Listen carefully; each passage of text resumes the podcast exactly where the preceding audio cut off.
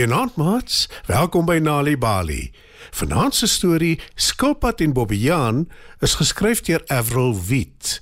Skryf nader en spit julle oortjies.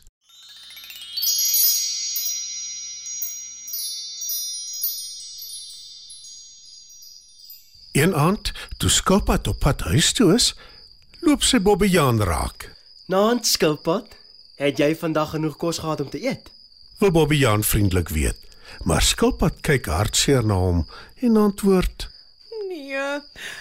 Ongelukkig nie. Ek is nog steeds honger. Baie honger. Bobbejaan begin lag, want hy het nou net aan iets gedink. Hy spring selfs op en af van vreugde.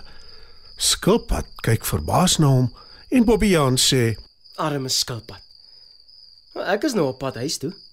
Jy kan my gerus volg, dan maak ek vir ons albei 'n heerlike aandete. Toe, wat sê jy daarvan?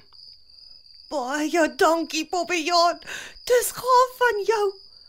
Ek is stadig, maar ek sal jou beslis volg.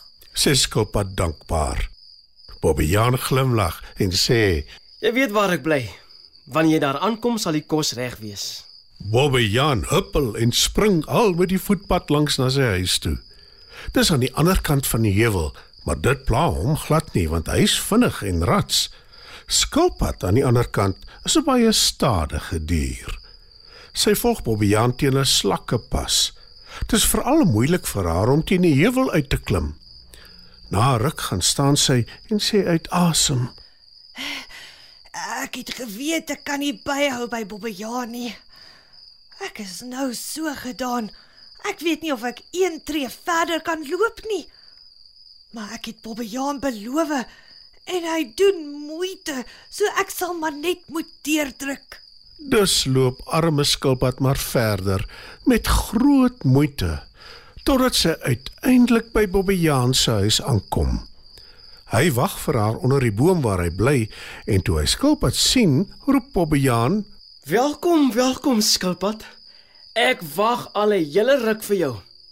Ons ete is reg. Ons kan net aansit. Ek is jammer, ek het so lank gevat, Bobbejaan. Ek het my bes probeer. Moenie kwaad wees vir my nie asseblief. Antwoord skilpad. Bobbejaan glimlag slinks en sê: Hoe kan ek kwaad wees vir jou, liewe skilpad? "Toe wys hy na die boom en sê: Ons kos is daar heel bo. Heerlik warm en reg om te eet. 3 potte vol. Al wat jy moet doen om heerlik te smil, is om saam met my in die boom te klim. Skilpad kyk moedeloos op na waar die drie potte kos heel bo in die boom is. Sy weet sy kan nie boom klim nie, wat beteken sy kan nie saam met Bobbejaan eet nie. En Bobbejaan weet dit natuurlik ook. Skilpad is nou nog hongerder as van tevore, want sy moes 'n lang opdraand pad hiernatoe loop. Ai, dink sy, die kos ruik so lekker. Wil jy nie asseblief 'n goeie vriend wees en vir my van die kos afbring hiernatoe nie? Vra Skilpad hoopvol. En tot haar verbasing klink Bobbejaan haastig op in die boom. Maar toe hy heel bo langs die kospotte sit, roep hy: Jammer, skilpad. As jy saam met my wil eet, moet jy boontoe klim. Want dis waar die kos is. Skilpad sug moedeloos. Sy weet Bobbejaan het haar 'n poets gebak en sy begin stadig aanstryk huis toe op 'n leë maag. sy hoor hoe Bobbejaan hom verlekker en haar uitlag. Skilpad is baie kwaad en sy besluit sy moet aan 'n plan dink om die nare Bobbejaan terug te kry. Sy kan nou wel nie boom klim nie en sy loop baie stadig die lang pad na haar huis toe, maar toe sy daar aankom, het sy 'n plan beraam. Toe Skilpad Bobbejaan 'n paar dae later nooi vir aandete, is hy baie verbaas. Hy vermoed eers onraad, maar hy weet ook dat Skilpad goedgeaard is en dat sy hom sekerlik vergewe het omdat hy haar 'n poets gebak het. Dus aanvaar hy haar uitnodiging. Ek is bly jy is nie kwaad vir my nie, skilpad. Ek het net 'n grap gemaak. Ek hoop jy weet dit. Sê Bobbejaan. Maar Skilpad antwoord hom nie. Sy glimlag net.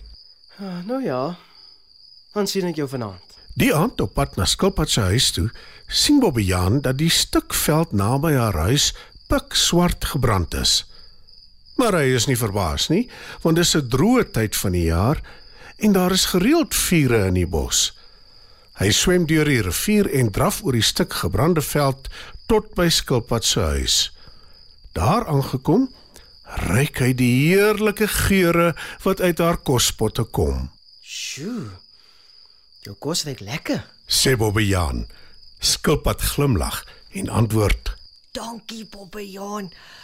Ek is bly jy's hier om dit met my te deel. Ons kan aansit sodra jy jou hande gewas het. Bobbejaan kyk na sy hande. Dis pikswart nadat hy deur die gebrande veld geloop het. Hy probeer vir Skilpad verduidelik dis hoekom sy hande vuil is, maar sy sê onskuldig. Ek ken jou ma. Sy sal haar skaam vir jou as jy met vuil hande eet. Veral omdat jy 'n gas is by my huis. Bobbejaan sug en vra: Wat wil jy hê moet ek doen? Draf terug rivier toe. Jy is mos vinnig. En wanneer jou hande skoon is, dan sit ons aan en eet. sê Skilpad. Bobbejaan het nie 'n keuse nie. Hy draf rivier toe en was sy hande. Maar toe hy weer deur die gebrande veld loop, word sy hande van voor af vuil. Skilpad vra hom om sy hande vir haar te wys. Hy doen dit en kyk hoopvol na haar. Maar Skilpad skud haar kop en sê ferm: Nee, Bobbejaan. Dit sal nie deug nie. Jy moet jou hande was voor ete. Dit weet jy tog. En weer draf Bobbejaan na die rivier toe om sy hande te was. Die keer sorg hy dat hulle silwerskoon is voordat hy vinnig deur die gebrande veld draf na Skilpad se huis toe. Hy kan nie meer wag om haar heerlike kos te eet nie. Maar toe hy daar aankom en sy hande vir Skilpad wys, skud sy weer haar kop en sê: Nee, wat? Dit lyk my nie jy kry jou hande behoorlik gewas nie. En ek kan beslis nie langer wag nie. Ek gaan nou maar alleen eet. Bobbejaan pleit dat sy hom nog 'n kans moet gee. Keer op keer draf hy rivier toe om sy hande te was, maar elke slag as hy terugkom by Skilpad se huis, is sy hande weer vuil. Intussen smil Skilpad aan die heerlike kos en sy weier om vir hom daarvan te gee voordat sy hande nie skoon is nie. En Bobbejaan besef sy is besig om hom terug te kry omdat hy so geween was met haar toe hy haar genooi het vir ete. Hy is na aan trane van pure frustrasie, maar hy sluk sy trane terug en loop vir die laaste keer oor die gebrande stuk veld huis toe. Nou ja, Bobbejaan. Ek hoop jy het jou les geleer. Lag Skilpad. Sy het heerlik geëet terwyl Bobbejaan die hele tyd heen en weer gedraf het. Sy trek haar bene en haar kop in haar dop in en maak reg vir 'n heerlike nagrus. En Bobbejaan, hy gaan slaap honger en hy weet dit is sy eie skuld. Dit was dan nog 'n Nali Bali storie. Skilpad en Bobbejaan is geskryf deur Avril Wheat. Die storie is aangebied deur die Nali Bali leesvergenotveldtog in samewerking met SABC Education. Sjoe, mamma. Ek het nog nooit so baie boeke saam gesien nie. Mag ons enige boek leen waarvan ons hou? Ja, seun. Dis waarvoor openbare biblioteke daar is. En die heel beste van alles is enige een mag boeke by die biblioteek leen. Enige volwassene kan 'n kind se liefde vir lees bevorder deur saam met hulle kind of kinders openbare biblioteke te besoek. Vind uit hoe Nali Bali jou kan ondersteun om jou eie boekklub te begin deur die webwerf www.nalibali.org/reading club te besoek. Nali Bali. Dit begin met 'n storie.